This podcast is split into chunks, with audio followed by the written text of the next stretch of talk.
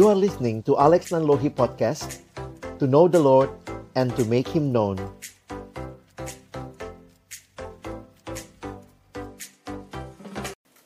Mari Bapak Ibu dan juga adik-adik yang saya kasihi dalam Tuhan Yesus Kristus Sebelum kita membaca merenungkan firman Tuhan, mari kita berdoa. Kami datang dalam ucapan syukur di tengah-tengah situasi yang tidak mudah bagi kami semua karena pandemi ini, tapi sekali lagi Tuhan memberi kesempatan kami bersama-sama merayakan kelahiran-Mu. Terima kasih Tuhan karena sungguh indah kesempatan yang Tuhan berikan. Kami telah memuji namamu, kami telah menaikkan doa kami kepadamu dan tiba waktunya bagi kami untuk membuka firmanmu ya Tuhan. Kami mohon ketika kami membuka firmanmu, bukalah juga hati kami. Jadikanlah hati kami seperti tanah yang baik, supaya ketika benih firman Tuhan ditaburkan itu boleh sungguh-sungguh berakar, bertumbuh, dan berbuah nyata di dalam kehidupan kami. Berkati Hambamu yang menyampaikan, semua kami yang mendengar, Tuhan tolong kami semua, agar kami bukan hanya jadi pendengar-pendengar firman yang setia, tapi mampukan dengan kuasa, dengan pertolongan dari rohmu yang kudus, kami dimampukan menjadi pelaku-pelaku firman-Mu di dalam kehidupan kami. Bersabdalah ya Tuhan, kami anak-anakmu sedia mendengarnya dalam satu nama yang kudus, nama yang berkuasa, nama Tuhan Yesus Kristus, kami serahkan pemberitaan firman-Mu. Amin. Shalom, selamat pagi Bapak Ibu dan juga adik-adik yang saya kasihi dalam Tuhan Yesus Kristus. Senang sekali hari ini Kak Alex boleh ber, uh, dapat kesempatan untuk sharing firman Tuhan bagi kita sekalian. Sekali lagi kita akan sama-sama mendengarkan kebenaran firman Tuhan di tengah-tengah situasi yang saya katakan tadi dalam doa ya memang tidak mudah ya. Tapi tema kita ini sangat relevan ya. Tema kita sangat meneduhkan hati. Immanuel, God with us. Bicara soal pandemi, awalnya ini kita lihat hanya masalah apa ini? Ini masalah kesehatan. Tapi terjadi di banyak tempat di dunia sehingga sampai hari ini telah menimbulkan sebagai masalah ekonomi, masalah sosial, masalah politik gitu ya, sampai juga masalah pendidikan, kita harus belajar jarak jauh, sampai juga ini jadi masalah kerohanian karena kita beribadah seperti ini, hari Minggu pun tidak semua bisa ke gereja secara offline. Jadi kita pun merayakan Natal di dalam situasi yang pandemi ini. Tapi apa yang penting untuk kita sama-sama perhatikan dalam perenungan saya, saya pikir begini ya.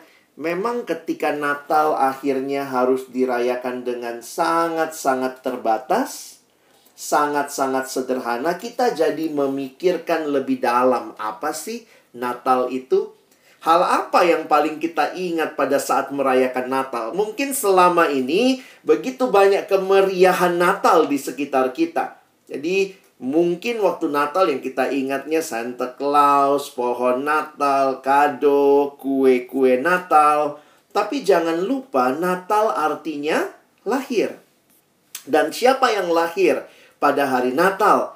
Saya pikir ini penting untuk kita ingat ini bukan hari lahirnya Santa Claus, ini bukan hari lahirnya Frosty the Snowman, tetapi Natal adalah hari lahirnya Yesus. Christmas is Jesus birthday. Jadi ketika kita merayakan dalam keterbatasan, saya pikir kita tidak kehilangan the focus of Christmas. Sehingga di dalam bahasa Inggris ada pertanyaan yang diberikan sebagai berikut. What is the most important thing about Christmas? Lalu dijawab, the most important thing about Christmas is the first six letters. C H R I S T. Christmas without Christ, nothing ya. Christmas without Christ tinggal tinggal mas ya. Ini bukan perayaan mas-mas. Christmas adalah fokusnya kepada Kristus. Sehingga kita pahami bahwa Christmas is empty without Jesus. And Jesus supposed at the very heart of our Christmas. Ya. Nah, hari ini Kak Alex ingin kita sama-sama melihat di dalam Injil Matius pasal yang pertama. Injil Matius pasal yang pertama kita akan membaca di dalam ayat yang ke-18 sampai dengan ayat yang ke-25. Ya. Mari perhatikan sama-sama Matius pasal yang pertama ayat 18 sampai dengan ayat yang ke-25. Kak Alex sudah tulis semua ayatnya di screen sehingga teman-temanku, Bapak Ibu guru juga bisa mengikuti pembacaan ini.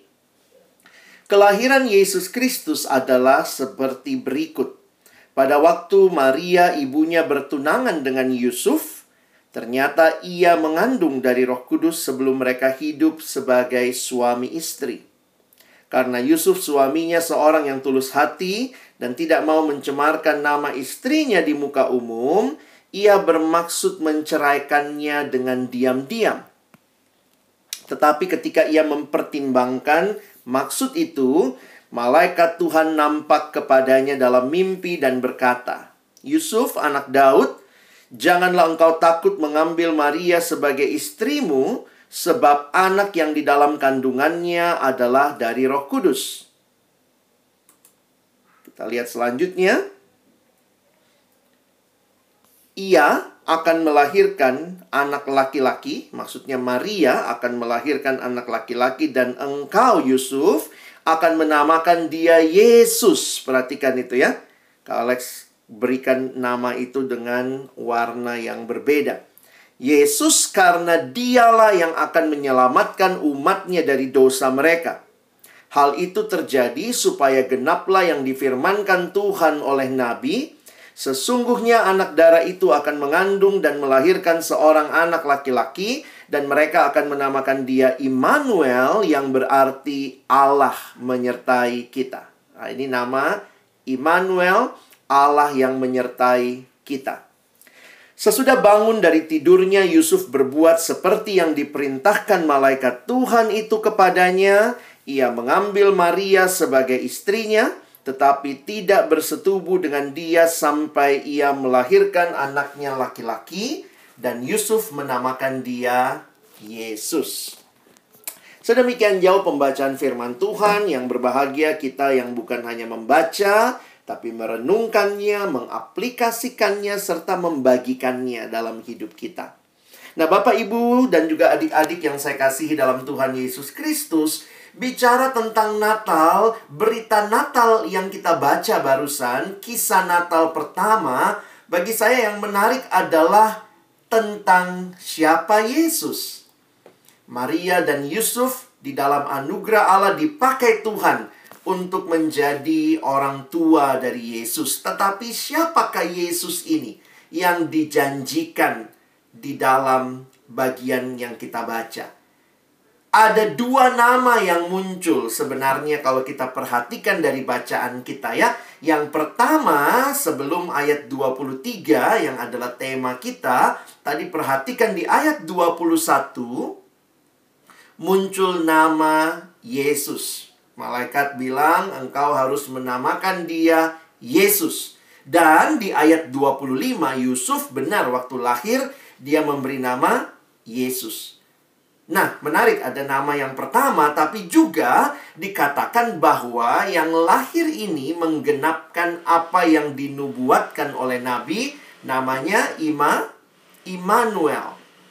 Immanuel dalam Matius 1 ayat 23 yang kita bisa baca tapi juga kita bisa lihat ini sebenarnya menggenapkan apa yang ditulis di dalam kitab Yesaya. Yesaya pasal 7 ayat 14 dan juga Yesaya pasal 8 ayat 8. Jadi ada tiga kali nama Immanuel ini muncul di dalam Alkitab kita. Pertama di Matius dan dua kali berikutnya itu muncul di kitab Yesaya pasal yang ketujuh. Jadi sebenarnya muncul pertanyaan namanya siapa? Yesus atau Immanuel? Atau ini dua nama yang berbeda kah? Atau bagaimana? Kenapa Yesus nggak dipanggil Immanuel ya? Atau mungkin panggilan sehari-harinya eh Noel gitu ya? Ini membuat kita menyadari bahwa sebenarnya namanya adalah Yesus Lalu Immanuel ini sebenarnya adalah sebutan atau gelar yang diberikan kepada dia. Contoh, mungkin kita tahu ya, Bapak Jokowi. Bapak Jokowi itu namanya dia Joko Widodo, tapi kita sebut dia sebagai presiden kita. Bapak Presiden. Jadi kira-kira seperti itu. Namanya Yesus, tetapi dia adalah Sang Immanuel. Oke? Jadi, mari kita memahami bahwa dua nama ini begitu penting buat kita waktu kita sekali lagi merayakan Natal tahun ini. Pagi hari ini Kak Alex ingin kita melihat apa sih arti nama ini bagi kita.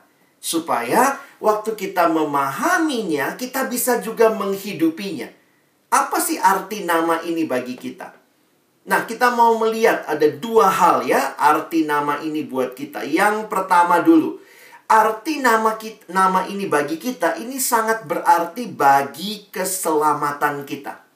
Loh, kok bisa bicara keselamatan? Karena nama pertama yang kita sama-sama akan pikirkan dan renungkan adalah namanya Yesus dan diberitahu bahwa dia yang akan menyelamatkan umat dari dosa. Bapak, Ibu, adik-adik yang dikasihi dalam Tuhan Yesus Kristus, perhatikan baik-baik bahwa berita Natal pertama kali disebutkan berita kesukaan besar untuk seluruh bangsa. Waktu kita pikir-pikir, wow, ada berita yang menjadi kesukaan besar untuk seluruh bangsa. Dan apa beritanya dikatakan kalau lihat Injil Lukas, pasal kedua bahwa hari ini telah lahir bagimu juru selamat yaitu Kristus Tuhan di kota Daud. Inilah berita sukacita besar untuk seluruh bangsa. Tapi sering kali begini ya, adik-adikku yang dikasihi dalam Tuhan Yesus, kita bisa sadar itu berita sukacita. Sebenarnya kalau kita juga sadar apa sih berita duka citanya? Ya gitu ya. Jadi misalnya ya, kalau kita nggak pernah sadar berita duka citanya, kalaupun ada berita sukacita, belum tentu itu jadi sukacita buat kita. Kak Alex kasih contoh begini. Misalnya, kita tidak merasa diri kita sakit. Lalu kemudian kalau kita nggak ngerasa diri kita sakit, seribu pun dokter berbaris di depan kita, kita tidak merasa butuh. Kenapa saya nggak sakit kok? Tapi kalau kita sadar misalnya bad newsnya I was, I am sick, saya sakit. Dan karena itu waktu lihat dokter, wow inilah berita sukacita yang menolong mengatasi berita duka cita saya. Nah, pertanyaannya apa sih berita duka cita terbesar? Supaya waktu kita dengar berita sukacita terbesar, itu benar-benar sukacita. Nah, ternyata Alkitab mengatakan kepada kita ya, Alkitab memberikan pemahaman bahwa berita duka cita terbesar di bawah kolom langit ini dituliskan di Roma pasal 3 ayat 23. Perhatikan baik-baik. Karena semua orang telah berbuat dosa dan telah kehilangan kemuliaan Allah. Perhatikan ayat ini baik-baik. Siapa yang berdosa? Oh, kita nggak bisa bilang dia ya dia bodoh, kurang pendidikan, makanya dia berdosa. Saya agak pinter, oh beda ya. Waktu bicara, Alkitab memberikan pemahaman semua orang telah berdosa. Waktu Kak Alex pikir ya, teman-temanku sekalian, sebenarnya dosa inilah, sin ini is the real pandemic.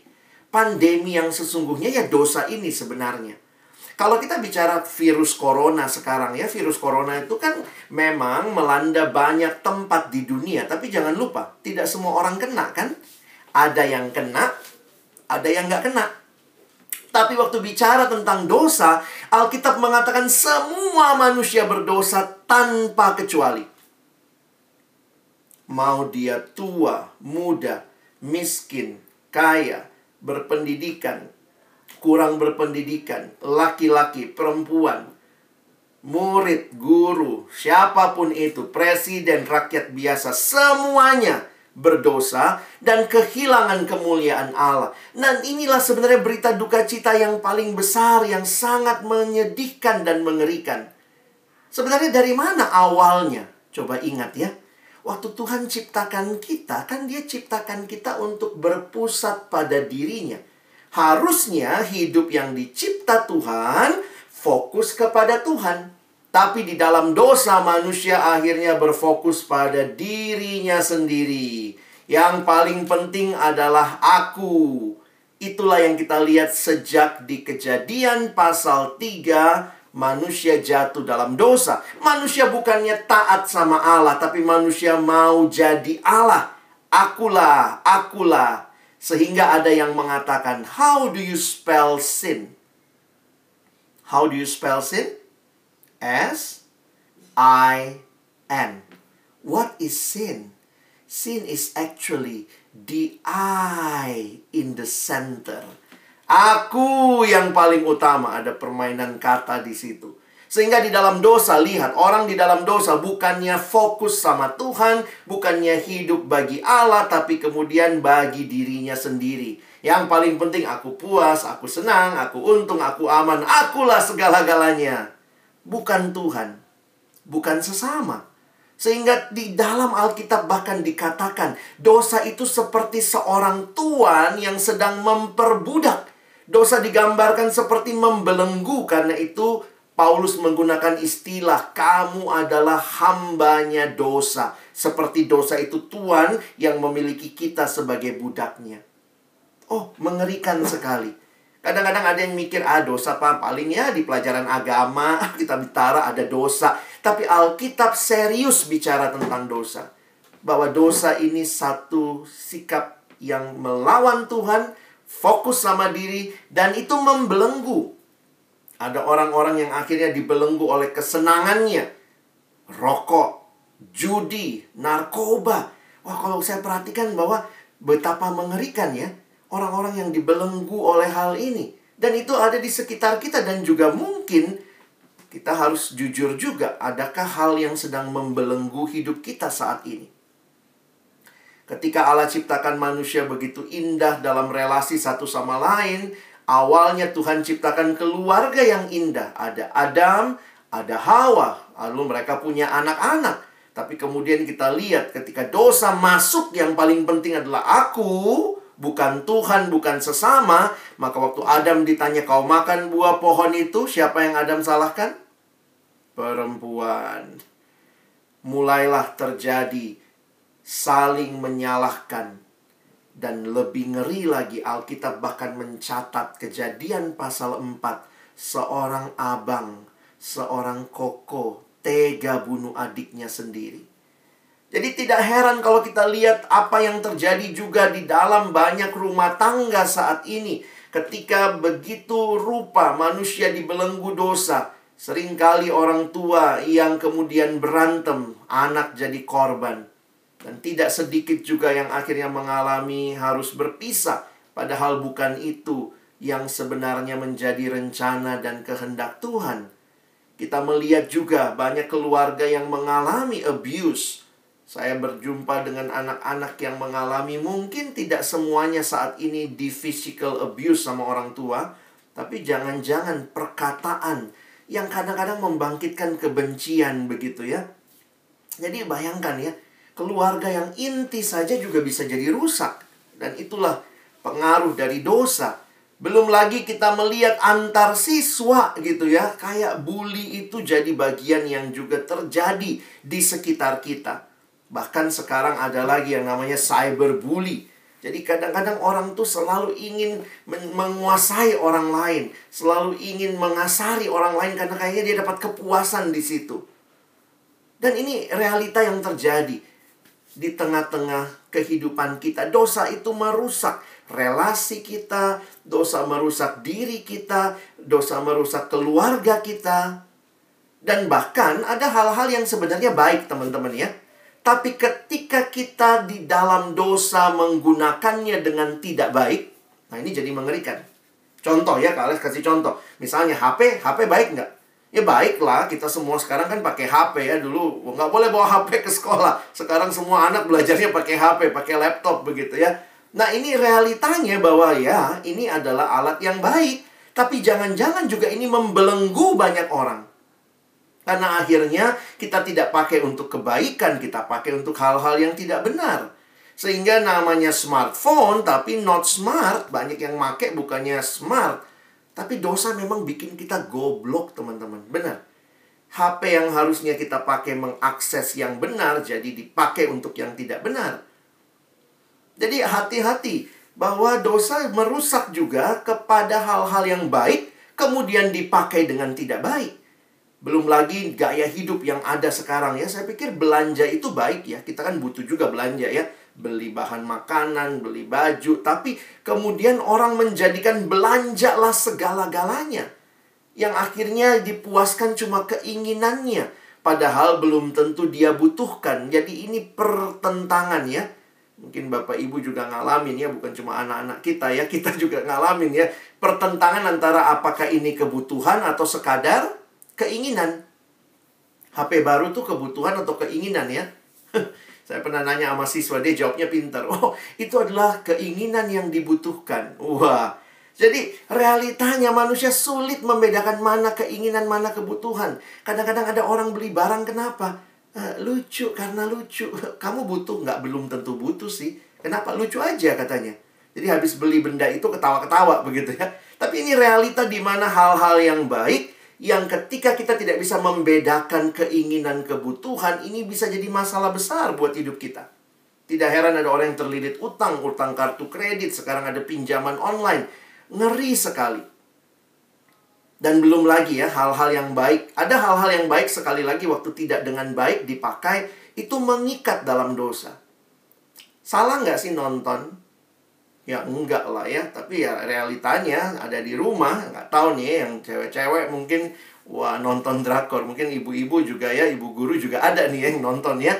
Karena memang ceritanya menarik, bagus, tetapi jangan-jangan kita juga jadi orang-orang yang terbelenggu dengan nonton, ya. Ketika ya ini binge watching ya, sekarang dikatakan jadi akhirnya orang nonton nggak berkesudahan ya, satu malam langsung berapa banyak yang ditonton dan ini memang didukung juga dengan kita bicara ada Netflix dan di mana-mana kita bisa akses dari HP, di rumah, smart TV. Jadi sekali lagi tidak ada yang salah dengan nonton, tetapi kalau nonton jadi segala-galanya, nah itu yang salah. Kita tidak tahu lagi yang mana jadi fokus kita, mau belajar atau mau nonton. Harusnya siswa jelas pilih belajar. Tapi ketika kita dikuasai oleh keinginan sehingga ya film-film yang bagus begitu ya, tapi kemudian nah ini lihat ya, Kak Alex juga waktu perhatikan wah ini banyak membelenggu orang begitu dalam arti bukan jadi penonton tapi sudah jadi pecandu begitu ya. Yang terakhir ini banyak yang nonton ini lalu tanya, "Nah, kamu timnya siapa?" begitu ya. Sementara mereka aja sahabatan kita yang musuhan gara-gara mau pilih jadi timnya siapa begitu. Nah, realitanya bisa begini. Ada lagi Nah, game online salah nggak sih main game? Ya enggak lah, kita juga butuh hiburan. Tapi kalau game jadi segala-galanya, waktu belajar dipakai ngegame, waktu guru nerangin kita ngegame juga. Nah, ini jadi pergumulan ya.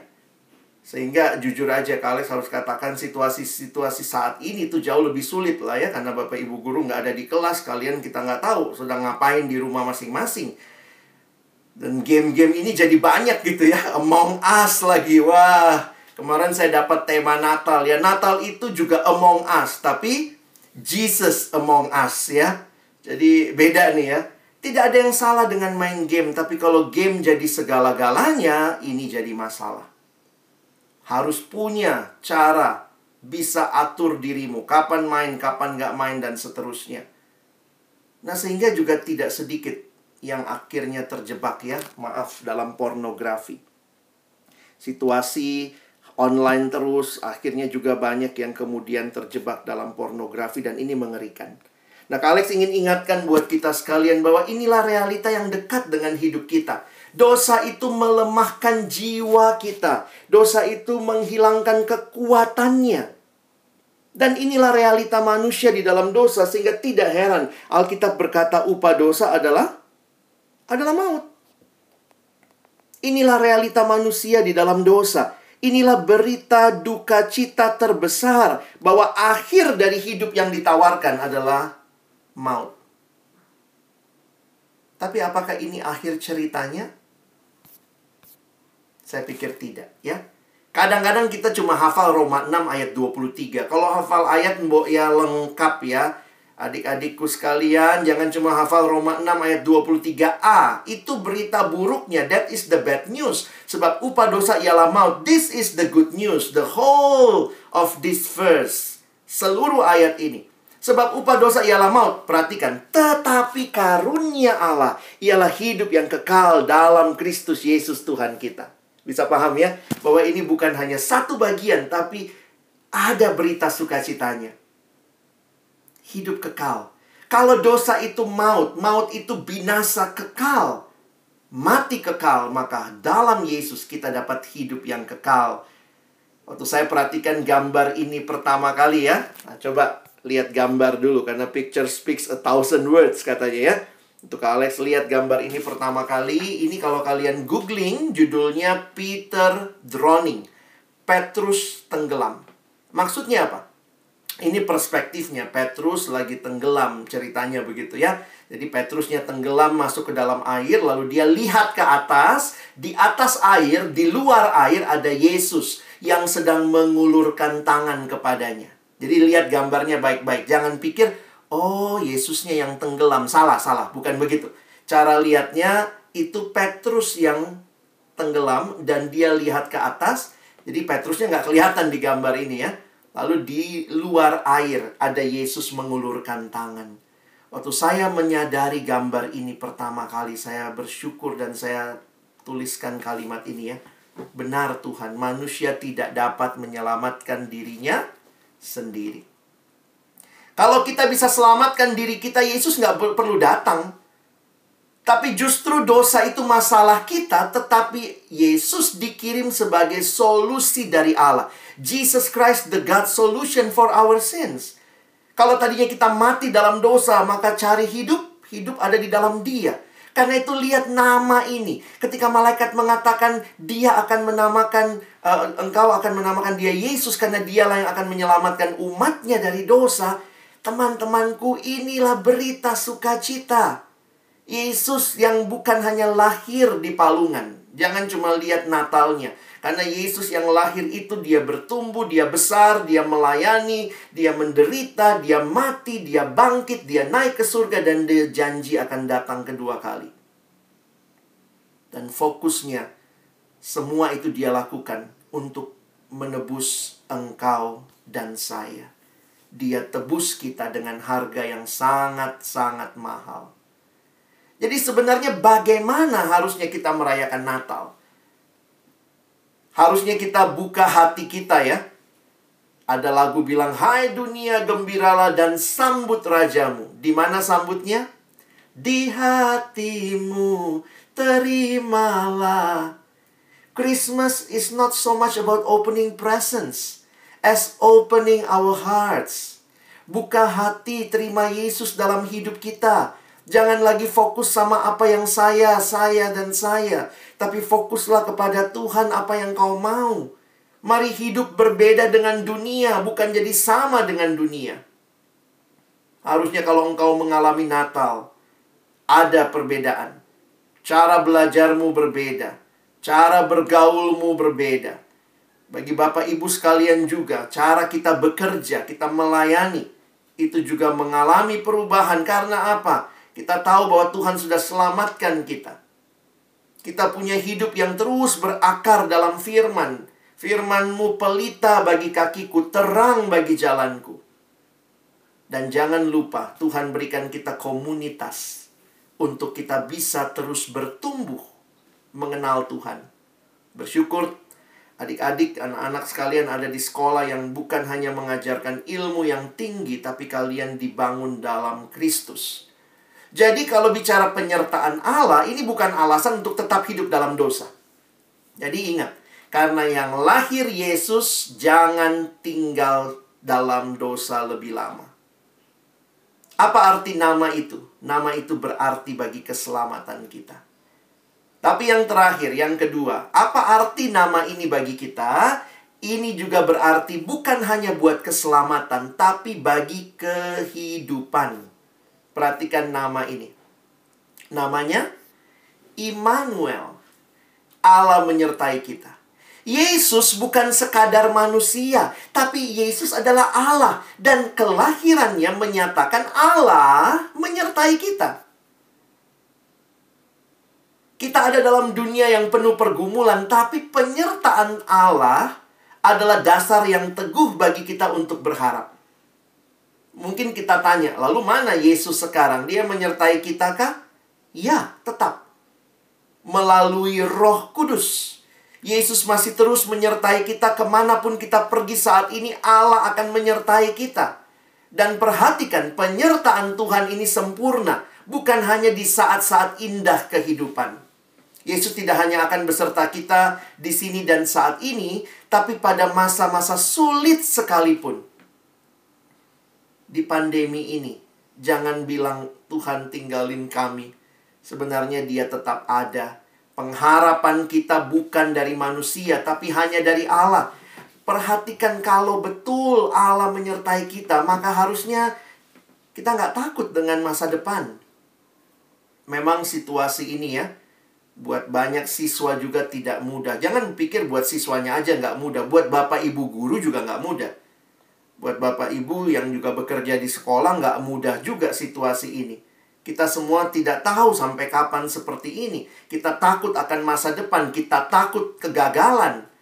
Maaf, mungkin ada yang sudah terancam nilainya jelek gitu ya kita takut kegagalan dan kita juga takut kesepian pengennya aduh pengennya bisa ketemuan lagi lagi dengan teman-teman kita tapi Natal mengingatkan kita Allah beserta kita.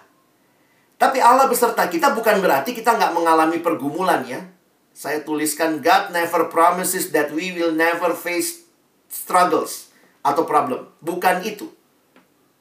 Bukan itu yang Tuhan janjikan. Tapi dia berjanji, God walks with us in our struggles. Adik-adikku, Bapak Ibu sekalian, tentu tidak mudah. Belajar online tuh nggak mudah.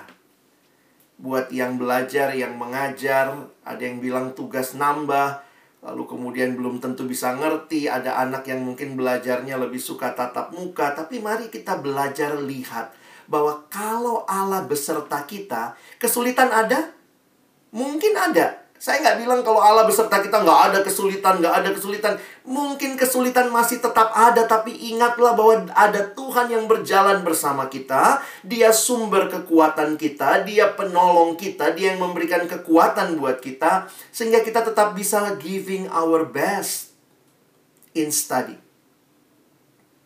Jangan lupa berdoa. Jangan lupa untuk berseru kepada Allah. Itu bukan basa-basi dalam situasi tertekan, ingatlah dia Immanuel. Life is a journey. And our journey, we are not alone. Life is a journey with Jesus because God is with us. So fear not. Jangan takut. Melangkahlah dengan iman, melangkahlah dengan keberanian. Katanya di Alkitab kalau kalian mau hitung ada 365 kali kata jangan takut. Kalau satu hari tiga, satu tahun 365 hari kayaknya satu hari satu ya. Kayak Tuhan mau ingatkan, please do not be afraid. I am with you. Anak-anak yang dikasihi Tuhan, eh, saya kehilangan papa saya di tengah pandemi ini bukan karena COVID ya. Papa meninggal karena sudah tua, sakit, dan waktu itu nggak mudah ya nggak mudah. Takut ke rumah sakit takut tertular. Bagaimana harus dengan kesedihan seperti itu? Tapi saya menikmati apa yang firman Tuhan nyatakan hari ini. Kalau saya sendiri wah udah sedih. Tapi ketika ada Tuhan dan dia berjalan bersama, Tuhan menghibur lewat firman, Tuhan menghibur lewat saudara-saudara yang datang. Karena waktu itu nggak bisa semua datang ya, hanya saudara-saudara keluarga inti yang datang. Jadi saya melihat, iya ya, saya tidak sendiri dalam hidup. Ada Tuhan yang menyertai. Jadi kalau sekarang mungkin buat adik-adik kesulitan belajar online, please jangan menyerah. Datang sama Tuhan Yesus. Nyatakan kesedihanmu, nyatakan penyerahan dirimu. Bapak ibu juga yang mungkin tidak mudah karena pada saat yang sama mungkin kalau bapak ibu punya anak harus ngajar anak sendiri, lalu kemudian anak orang juga harus diajar, tuntutan sekolah juga mungkin gak berkurang, mungkin gak mudah mengajar dari rumah. Tapi mari kita melihat bahwa Natal ini kita gak sendiri. Tuhan bersama dengan kita. God with us. Dan yang bersama dengan kita bukan manusia. Tapi Allah. Karena itu hari ini, waktu kita merayakan Natal sekali lagi, saya simpulkan khotbah saya. Apa arti nama ini bagi kita? Namanya siapa? Yesus Sang Immanuel. Nama ini sungguh berarti bagi kita. Pertama, bagi keselamatan kita. Jangan lagi hidup dalam dosa. Tapi nama ini juga sungguh berarti buat kehidupan kita. Hadapi hidup, jangan takut. Kita tidak sendiri. Allah menyertai kita. Kiranya firman Tuhan memberikan kekuatan penghiburan bagi kita di dalam situasi yang sedang kita alami. Kita tidak tahu sampai kapan pandemi ini. Tapi satu hal yang kita tahu, Allah menyertai kita, dia berjalan bersama kita, dia menopang, dia beri kekuatan melewati pergumulan kehidupan. Tuhan menolong kita merayakan Natal dengan mengingat nama yang penting bagi keselamatan kita dan nama yang penting bagi kehidupan kita. Selamat Natal 2020 dan selamat memasuki tahun baru 2021 dengan penuh keyakinan. God with me. God with us. Amin. Mari kita responi firman dalam doa dan Kak Alex mohon semua dengan sikap hormat di hadapan Tuhan. Taruh tangan kananmu di dadamu. Dan mari sama-sama kita berdoa. Tuhan Yesus, terima kasih. Karena Engkau yang lahir adalah berita sukacita, supaya kami tidak lagi hidup dalam dosa, tapi kami hidup dalam kebenaran, hidup bagi Allah. Masa muda kami, kami tidak mau pakai untuk melakukan hal-hal yang mendukakan hati Tuhan, tapi kami pakai masa muda kami menyenangkan hatimu. Kami tidak mau hidup mempermalukan Tuhan. Kami mau hidup mempermuliakan Tuhan. Dan namamu, Immanuel, itu juga yang kami pegang, yang kami imani di tengah perjalanan kehidupan kami, engkau tidak meninggalkan kami. Ada kesulitan yang mungkin kami alami. Mungkin sulit di rumah, Suasananya mulai membosankan, sumpek, banyak konflik. Mungkin juga belajar online tidak menyenangkan, kami kesulitan, kami susah memahami. Waktu mengajar online pun kami banyak pergumulan, tapi kami diingatkan bahwa pergumulan tetap ada, tapi yang indah adalah ada Tuhan yang tidak meninggalkan kami, yang berjalan bersama kami, dan karena itu kami mau semangat. Semangat untuk memberi yang terbaik, semangat bahkan untuk datang kepada Tuhan dan menyerahkan seluruh hidup dan pergumulan kami. Terima kasih karena yang lahir itu Engkau Yesus Sang Immanuel. Kami selamat, kami hidup di dalam Engkau. Terima kasih, tolong kami bukan cuma jadi pendengar firman, tolong kami jadi pelaku-pelaku firman-Mu. Dalam nama Yesus kami berdoa. Amin.